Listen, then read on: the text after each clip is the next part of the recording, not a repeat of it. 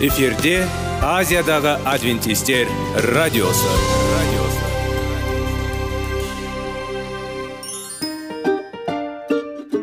Сәлем достар. Денсаулық өмір бұлағы және біздің бірінші байлығымыз демекші денсаулық сағаты рубрикасына қош келдіңіздер.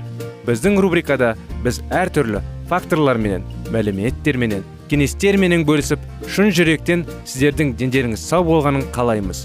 Сол үшін біздің рубрикаға қош келдіңіздер. Дайындалып тұрыңыздар. Өйткені келесі минуттарда қызықты фактілерге ие боласыздар. Енді достар ең бірінші байлығымызды қолымызға алып алға кеттік.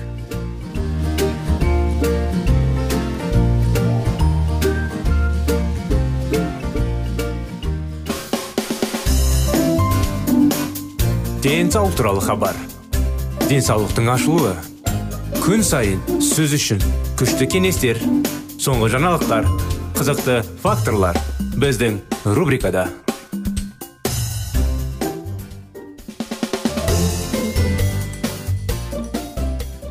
армысыздар құрметті достар құрметті біздің тыңдаушыларымыз қош келдіңіздер біздің денсаулық сағат бағдарламамызға.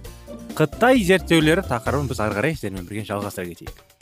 Хирургия иллюзиялық құтқарушы. Қолданылатын механикалық араласулар көптеген адамдар қойылғанның әлде қайта тиімді емес. Шунттау әсіресе танымал болды. Операция кезінде пациенттің кеуде қуысы ашылады қан ағымы қысқаштардың сорғылардың және механизмдердің көмегімен қайта бағытталады. Ал аяқтағы тамыр немесе кеуде қуысының артериясы кесіліп жүректің ауру бөлігіне тігіледі. Бұл қанның ең көп бітелген артерияларды айналып өтуіне мүмкіндік береді. Бұл процедура. Ауыр зардаптарға әкелуі мүмкін. Әрбір біреуден көп. Елу пациент операциядан туындаған асқынуларға байланысты өледі. Оның құны құрайды мөлшері мысалы айта кетсек 46 мың ақш доллар. Басқа жанама әсерлердің қатарына миокард инфарктісі тыныс алу жүйесінің асқынуы қан кету инфекция жоғары қан қысымы және инсульт жатады. Операция кезінде жүрек айналысындағы тамырлар қысылған кезде атеросклеротикалық пляшкалар олардың ішкі қабырғаларымен шығады. Содан кейін қан бұл сынықтарды миға өткізеді. Онда олар көптеген шағын инфаркт тудырады. Ғылымдар операциядан бұрын және одан кейінгі пациенттердің зияткерлік қабілеттерін салыстырып пациенттердің 79 пайызында танымдық функциялардың кейбір аспектілері бұзылғанын анықтады. Операциядан жеті күн өткен соң неліктен біз өзімізді осы процедурадан өткіземіз? Ең жиі айтылатындар. Оның әсері стенокардияға немесе кеудегі ауырсынуды жеңілдету. Хирургиялық айналып өткен пациенттердің шамамен 70-80 пайызы осыдан құлады кеудедегі ауырсынуды жылы. Бірақ бұл оң нәтиже қысқа мерзімді.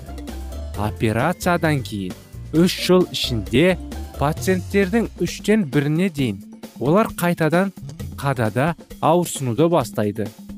Айналымы операциядан кейін 10 жыл ішінде пациенттердің жартысы қайтыс болады. Миокард инфарктісін бастың кешіреді немесе қайтадан кеудедегі ауырсынудан зардап шекеді. Зерттеулер ұзақ мерзімді перспективада жүрек қан тамырлары аурулары бар пациенттердің белгілі бір бөлігінде ғана өмір сүру ұзақтығы артатынын көрсетеді.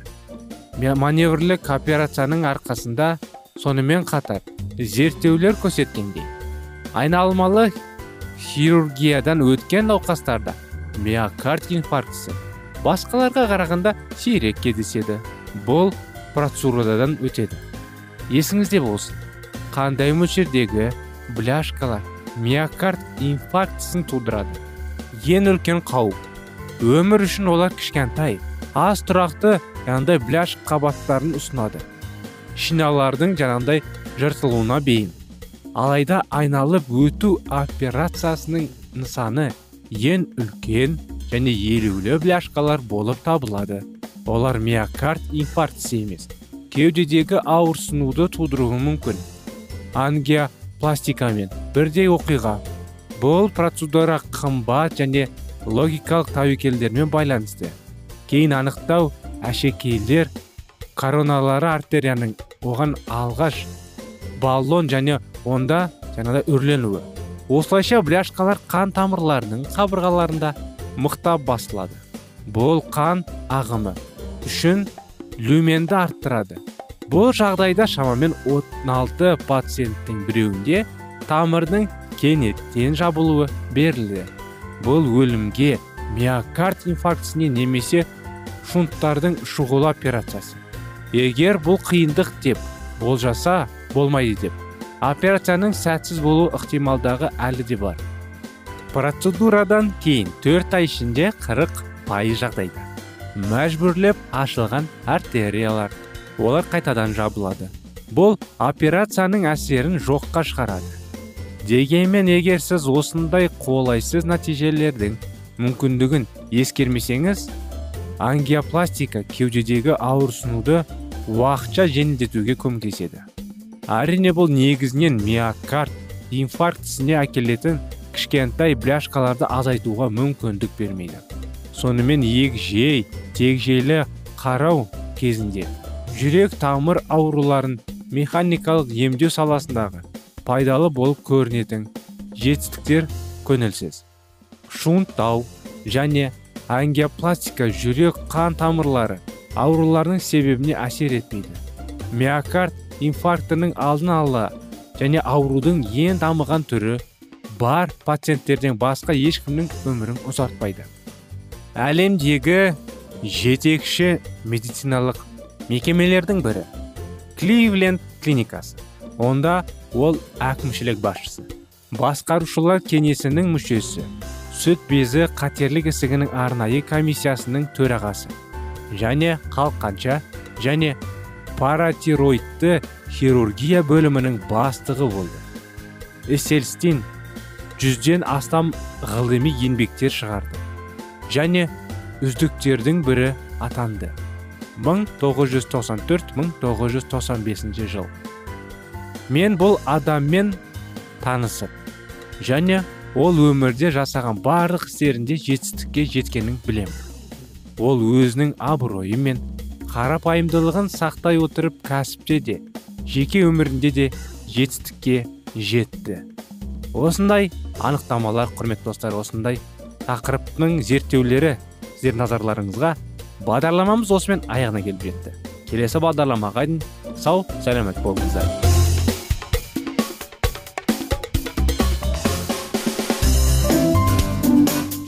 Денсаулық туралы хабар. Денсаулықтың ашылуы. Күн сайын сөз үшін күшті кеңестер соңғы жаңалықтар қызықты факторлар біздің рубрикада.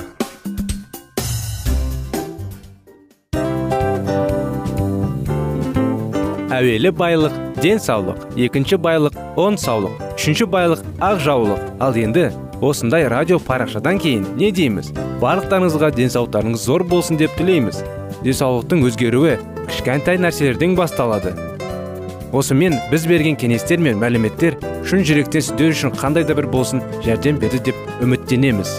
Тыңдаушыларымызбен келесі радио парақшасына дейін қоштассамыз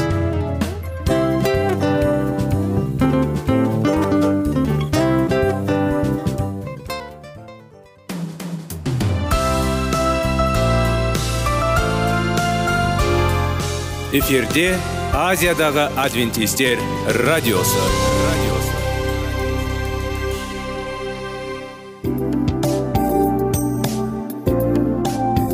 Сәлем достар. Барлықтарыңызға шын жүректен сөйлесек рубрикасына қош келдіңіздер деп айтпақшымыз. Шын жүректен сөйлесек бағдарламасы әртүрлі қызықты тақырыптарға арналған. Шындығында шын жүректен сөйлесек деген сөздің мағынасы екі достың екі адамның ортасындағы шын жүрекпен сөйлесуі бір біріне сенуі ашықтық пен шындықты білдіреді. Сол үшін біздің бағдарламалар әртүрлі қызықты тақырыптарға арналған. Дайындалыңыз жаңа қызықты мәліметтерге ие болуға. Ондай болса кеттік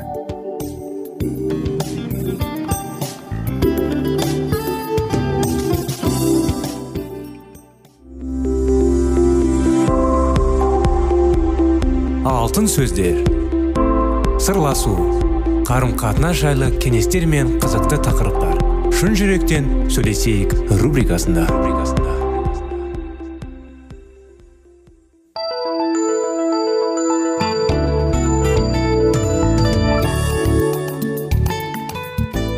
Сәлеметсіздер ме армысыздар құрметті достар құрметті радио тыңдаушыларымыз сіздермен бірге шын жүректен сөйлесейік бағдарламасы келіңіздер сіздер назарларыңызға сіздермен бірге әрине 25 керемет неке оқиғаларын жалғастыра кетейік.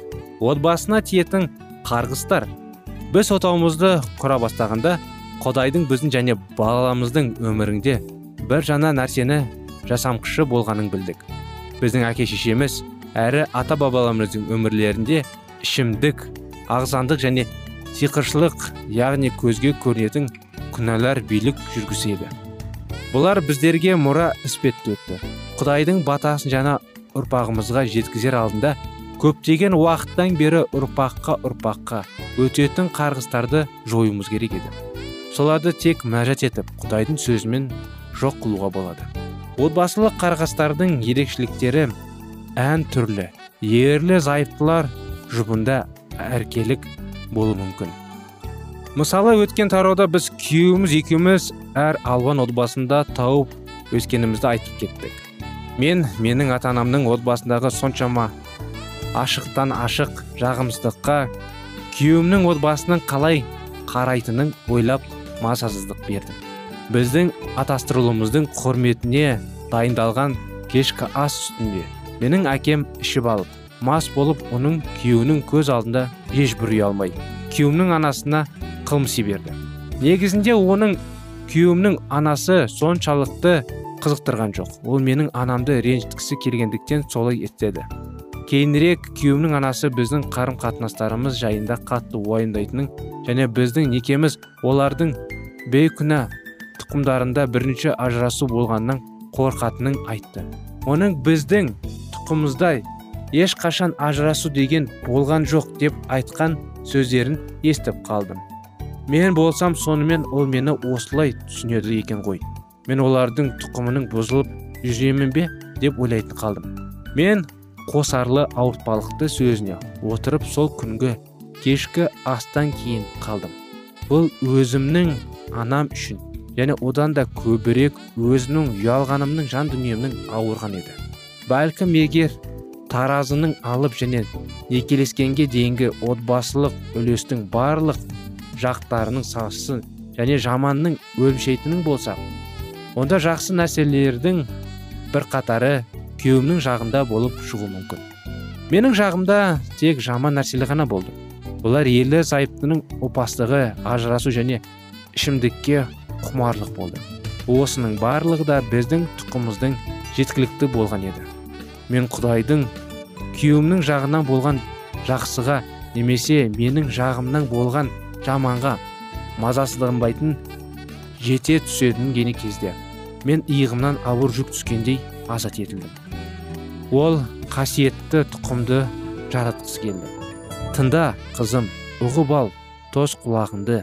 Шыққан әуелеттің мен халқынды патша аңсап қалайды сұлулығыңды ол тақсыр ие сенің ардақта оны зор қуаныш шаттықпен бастап әкеленді.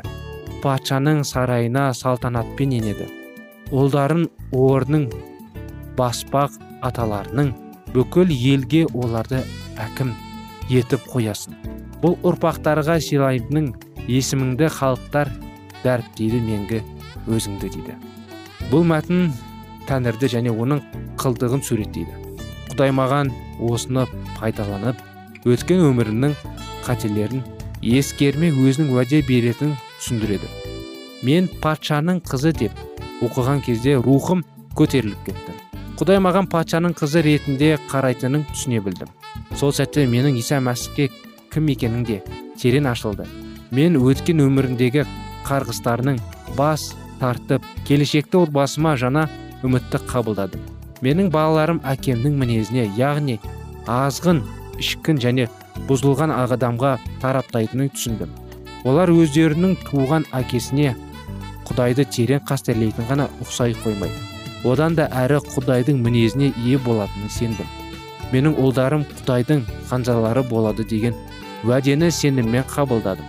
Мен отбасыма тиген қарғыстардың күшін құдайдың сеніммен жойғанда тәңірдің сөзі мен шын мәнінде жүзеге аса бастады мінәжат етіп құдайдың сөзін ашық мойындағанымыз арқылы отбасымызда жаратқан иеміздің уәделері іске асуда әрине тәңіріміз бізге қамқорлық жасап бізге көмек бергісі келеді отбасына тиген қарғыстарды бұзатын мінәжат егер сіздің тұқымыңызда тиген бір қарғыс жайда білген болсаңыз содан арылып үрім бұтағыңызға мұның әсерінің күшін қалай тоқтату үйреткіміз келеді. Осы мінәжат шайтанның бекінісін талқылдауға көмектеседі. Мына қарғыстардан өз өзімен кете қоймайды. Біз шайтанның змиян нетерінің біліп алып соларды жоюымыз керек. Жаудың мақсаты құдайдың берген тыныштығы қуанышы мен ынтымағын сізден ұрлап алу. Бірақ жаратқан иенің сізге берген билігі мен оның жеңе аласыз. Осы тарауларда біздің бағдарламада әрі қарай тыңдаған бұрын мына мұнажатқа ерекше зейін салыңызшы. Егер сіз дәл қазір мұнажат ететін десеңіз онда жұбайыңызбен немесе жақын досыңызбен немесе сіздің рухани жағының қолдайтын бауырларыңызбен бір оңаша жерге барып солай етіңіз. Бұл сіздің жеке уақытыңыз болды. Сонымен дауысыңызбен құдайдың сөзін қатты мойындап қарғыстардан бас тартуды қажет болуы мүмкін. Мұнажат сіздің неке мен отбасыңыздағы қауіп төндіретін қарғыстарға қарсы тұрады. Біз осы мұнажатты киелі кітаптың аяттарына негізделіп жаздық. Себебі құдайдың сөзі ол екі жүзді әрі өткір киелі рухтың семсері іспетті. Егер осы мұнажатта сіздің отбасыңыздағы тиген қарғыстар атап атылмаған болса біз сізді өз еліңізге қатысты келе жазбаның аяттарынан тауып алып солардың шындығын мен уәделерін ашық мойындауға ұсынамыз. Әрине ол сүйінісі жайлы қандай сүйіну жайлы? Қалай айтылатынын келесі бағдарламада айтып берейік құрметті достар. Бағдарламамыздың уақыты шамалы болғандықтан аяғына келіп жетті. Сіздерге келесі жолға дейін сау саламат болыңыздар дейміз.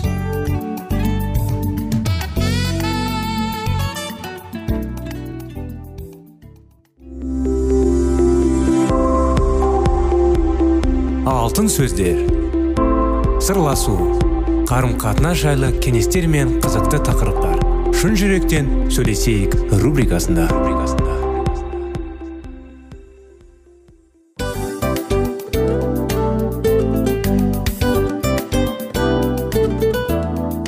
Құрметті достар барлық ең соңғы кеңестер аяқталған соң біздің программамыз соңына келіп қалды. Осы біздің мәліметтер осы рубрикада айтылған әрбір сөздер сіздерге өзінің қандай да бір пайдасын алып келді деп шын жүректен сенеміз. Және бұдан да көптеген рубрикаларымыз бар.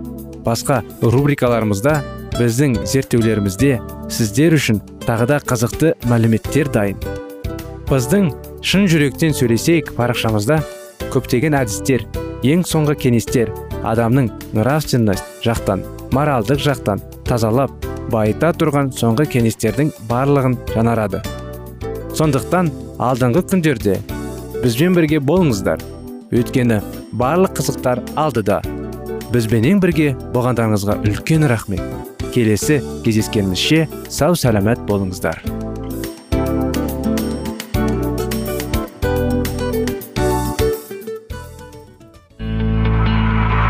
Жан дүниеңді байытқан жүрегіңді жаңғыртқан өмірдің мағынасын ойландырған рухани жаңғыру рубрикасы.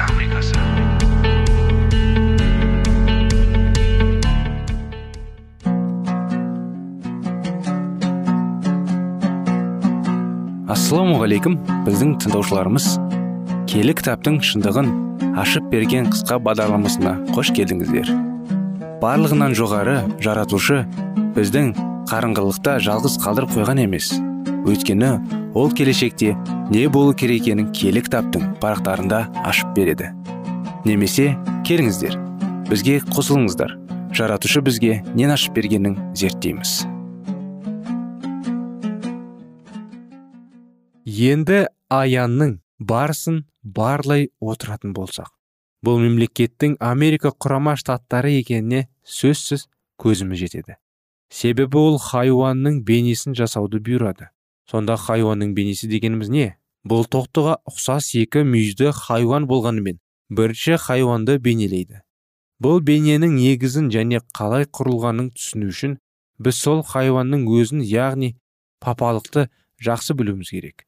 Ежелгі шіркеу ырым жырымдарымен неше түрлі дәстүрлерді қабылдап өзінің алғашқы тазалығы мен қарапайымдылығын жоғалтып алған кезде ол үкімет билігінің қолдауын іздей бастады.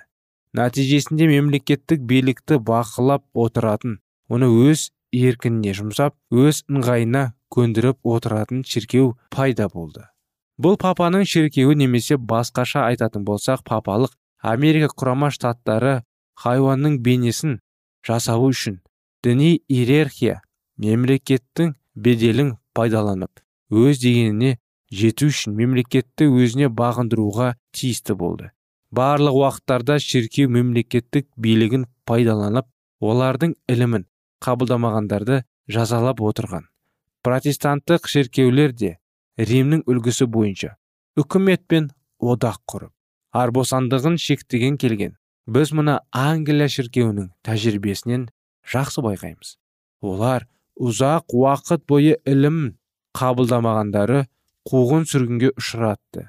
16 және 17 ғасырларда мыңдаған шіркеу қызметкерлері осындай тағдырға душар болып көбі қамауға алынды. Енді біреулері азаппен өлтірілген. Осылайша хайуан яғни папалықтың пайда болуына жағдай жасалды. Бұл жөнінде елші паул былай дейді. Шегінушілік келіп өлім баласы күнәқар адам ашылғанша сонымен хайуанның пайда болуына шегінген шеркеулер себеп болды. Киелі кітапта исаның келер алдындағы адамзат балаларының діни құлдаруы ағашы ғасырлағандай болды делінген. Есінде болсын соңғы күндері қиыншылық көп болады. Халық өзімшіл ақшақор өркөкірек балағатшыл ата анасына бағынбайтын қайырымсыз мейірімсіз ешкімге жақсылығы жоқ жаманшылыққа жақын іші тар достыққа жоқ жаулаусампыз татуласпайтын жалаққор өтірікші сенімсіз ұстамсыз қатыгез сатқын бетсіз имандылықтан гөрі ойын суыққа жақын озбыр. Құдайдан өзің артық жақсы көретін сырты бүтін үші түтін қанықбезділерге айналды. Ондайлардың аулақ жүр делінген. Шайтанның ілімін қабылдап иманнан бас тартатындар көп болды. Ібіліс неше түрлі ғажап кереметтерінің көпшілікті өзінің соңынан ертіп әкетеді. Ақиқатты қабылдамағандар адасып өтірікке сенетін болады. Осы уақыттар келіп жеткенде нәтиже алғашқы ғасырлағандай болды. Көпшіліктің ойынша протестанттық нарзылық білдірушілер шіркеулердегі доктриналардың көптігі оларының бастарының күшпен бірікпейтіндігінің дәлелі саналды. Десе де олар яғни протестанттық шіркеулер көптеген жылдар бойы ілімдерінің де ортақ доктриналарында ортақ атап айтқанда бірдей болуына ұмытылып кетеді. Олай болу үшін атаулы шіркеулер киелі жазбадағы маңызды сұрақтар манайындағы алаусыздықтардан ұмытып жазбадағы айқын ақиқаттарға қарамай өз ара пікірталастарын тоқтату керек. Чарльз бичер 1846 жылы халық алдында шығып сөйлеуге уағызында протестанттық шіркеулердің діни қызметкерлері арсыз істерді қорқындарынан ғана істеп қоймай өздерінің бұзылған табиғатына сай ақиқатты тұмшалап шегінген немесе кері кеткен биліктің алдында бастарын еді. Қарап отырсақ рим де солай істеген емес пе еді? Сонда біз сол тарихты қайтадан басымыздан өткеріп жатқан жоқпыз ба? Болашақта біздің не күтіп тұр? Ненің куәсі боламыз? Басқа дүниежүзілік собыр шіркеу барша әлемнің келісімі мәсіхшілерді одағы мен барлығына ортақ бір доктрина. Осы айтылғандар орындалып болғаннан кейін халықты дегендеріне зорлап көндіруге бір адам ғана қалды. Америка құрама штаттарының жетекші шіркеулері бір доктринаның манайына шүйіркелген кезде өздерінің бекіткен заңдары орындалу үшін олар мемлекетке әсер ете бастайды және оның билігін пайдаланып көздеген мақсаттарына жеткісі келеді. Сол кезде протестанттық америкада рим иерархиясы құрылды деп айта беруге болады. Және олар басқаша ойлайтын адамзаттарды қысымға ұшыратады. Басқаша айтатын болсақ екі мүйізді хайуан барлық қарапайымдар мен ұлылардың байлар мен кедейлердің босандықталар мен құлдардың маңдайы мен он қолына хайуанның белгісін алуды талап етеді. Ондай белгісі немесе нұсқасы иә болмаса қолына оның белгісіне соғатын болса. Сол құдайдың қаһарының шарабын ішетін болады деп ескертеді. Бұл жерде әңгіме етіліп отырған екі мүйізді хайуан барынша оған күштеп тағзым еткізетін бірінші немесе түр түрі жолбарысқа ұқсас хайуан папалық.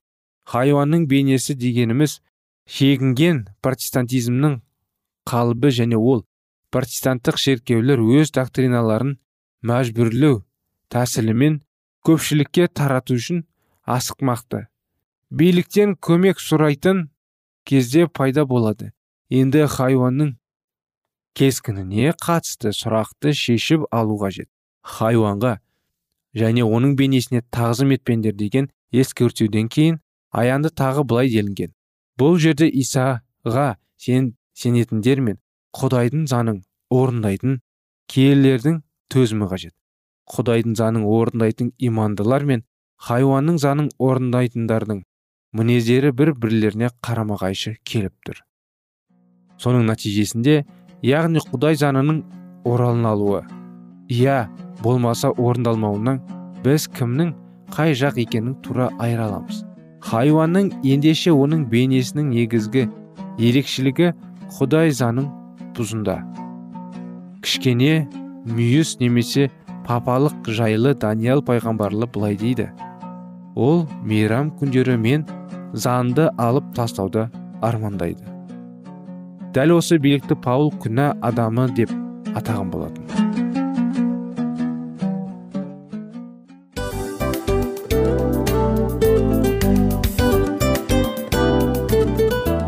Достар біздің радио парақшамыз өзінің соңына келіп те қалды. Демек бұл программамыздың қорытындысын айта кету керек. Негізі істің басталып жатқаның қуанту керек пе? Әлде оның қорытындысы қуанту керек пе? Сіздер қалай ойлайсыздар? Меніңше қорытындысы деп ойлаймын. Себебі жасаған ісінің жемісін көріп қорытынды арқылы бағалап жүрегін қуантады. Баяғыда айтқандай бидайды сепкенде емес бидайдың жемісін жинаған кейін ыстық нанды жегенде кәдімгідей рахаттанасың ғой. Осымен біздің бағдарламамыздың аяғында тыңдаушыларымыз қандай пайда алды екен деген ойдамыз. Егерде өткен сфераларда пайдалы кеңес алған болсаңыз біз өзіміздің мақсатымызға жеткеніміз. Бүгінгі 24 сағаттың алтындай жарты сағатын бізге бөліп ардағаныңыз үшін рахмет. Келесі кездескенімізше қош сау болыңыздар. Достар біздің бағдарлама бойынша сұрақтарыңыз болса әрине сіздерге керекті анықтама керек болса біздің whatsapp нөмірімізге хабарлассаңыздар болады. Плюс бір үш жүз бір жеті жүз алпыс алпыс жетпіс. Иә достар сіздер қателеспедіңіздер бұл біздің номерлерге ұқсас болмаса да бұл whatsapp номер арнайы. Хабарласыңыздар сұрақтарыңызды қойып тұрыңыздар. Анықтаманы алып тұрыңыздар. Плюс бір үш жүз бір жеті жүз алпыс алпыс жетпіс whatsapp номері.